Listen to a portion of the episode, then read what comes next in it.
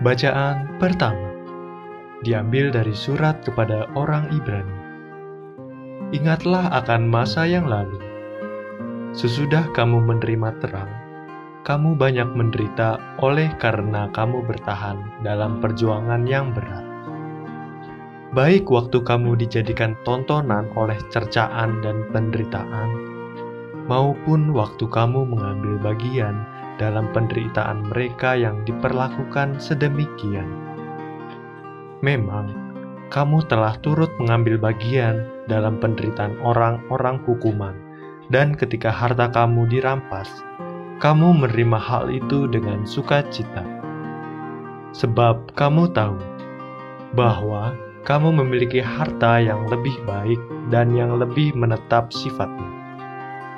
Sebab itu, janganlah kamu melepaskan kepercayaanmu, karena besar upah yang menantinya. Sebab kamu memerlukan ketekunan, supaya sesudah kamu melakukan kehendak Allah, kamu memperoleh apa yang dijanjikan itu. Sebab sedikit, bahkan sangat sedikit waktu lagi, dan ia yang akan datang, sudah akan ada tanpa menangguhkan kedatangannya. Tetapi orangku yang benar akan hidup oleh iman, dan apabila ia mengundurkan diri, maka aku tidak berkenan kepadanya. Tetapi kita bukanlah orang-orang yang mengundurkan diri dan binasa, tetapi orang-orang yang percaya dan yang beroleh hidup. Demikianlah sabda Tuhan. Syukur kepada Allah. Kerajaan surga seumpama orang yang menaburkan benih. Benih itu tumbuh, namun orang itu tidak tahu.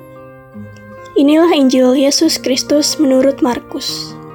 Bab 4 ayat 26 sampai 34. Pada suatu hari, ketika Yesus berkata, "Beginilah hal kerajaan Allah."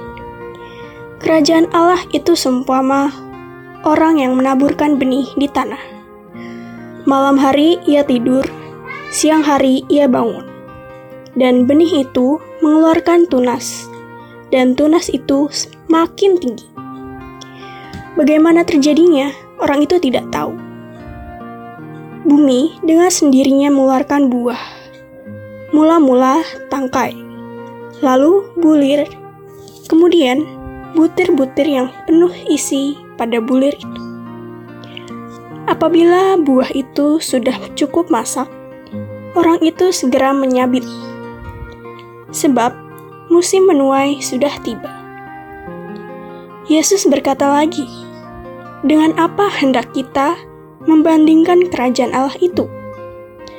Atau dengan perumpamaan manakah kita hendak menggambarkannya?" Hal kerajaan itu seumpama biji sesawi yang ditaburkan di tanah. Memang biji itu yang paling kecil daripada segala jenis benih yang ada di bumi. Tetapi apabila ia ditaburkan, ia tumbuh dan menjadi lebih besar daripada segala sayuran yang lain dan mengeluarkan cabang-cabangnya yang besar sehingga burung-burung di udara dapat bersarang dalam rimbunannya. Dalam banyak perumpamaan semacam itu, Yesus memberikan sabda kepada mereka sesuai dengan pengertian mereka, dan tanpa perumpamaan Ia tidak berkata-kata kepada mereka, tetapi kepada murid-muridnya. Ia menguraikan segala sesuatu secara sendiri Demikianlah Injil Tuhan. Terpujilah Kristus.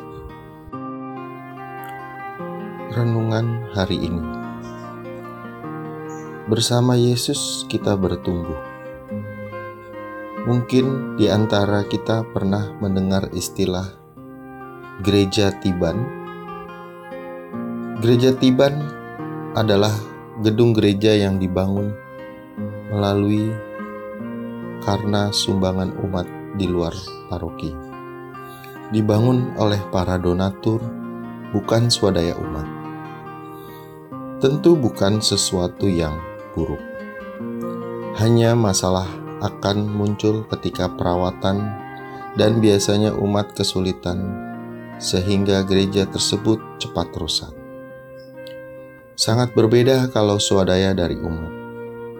Gereja itu akan terawat dengan baik dan berkembang, serta berbuah menjadi gereja yang mandiri. Apa yang disabdakan dalam bacaan pertama menjadi landasan pertumbuhan iman akan Kristus.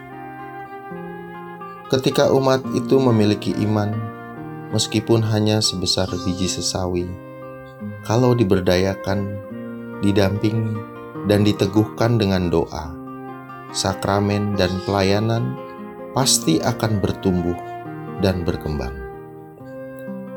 Mewujudkan kerajaan Allah bukan se sebuah mukjizat bin Salabim lalu selesai, melainkan melalui sebuah proses yang pada mulanya adalah kecil, sederhana, bahkan tidak disangka-sangka.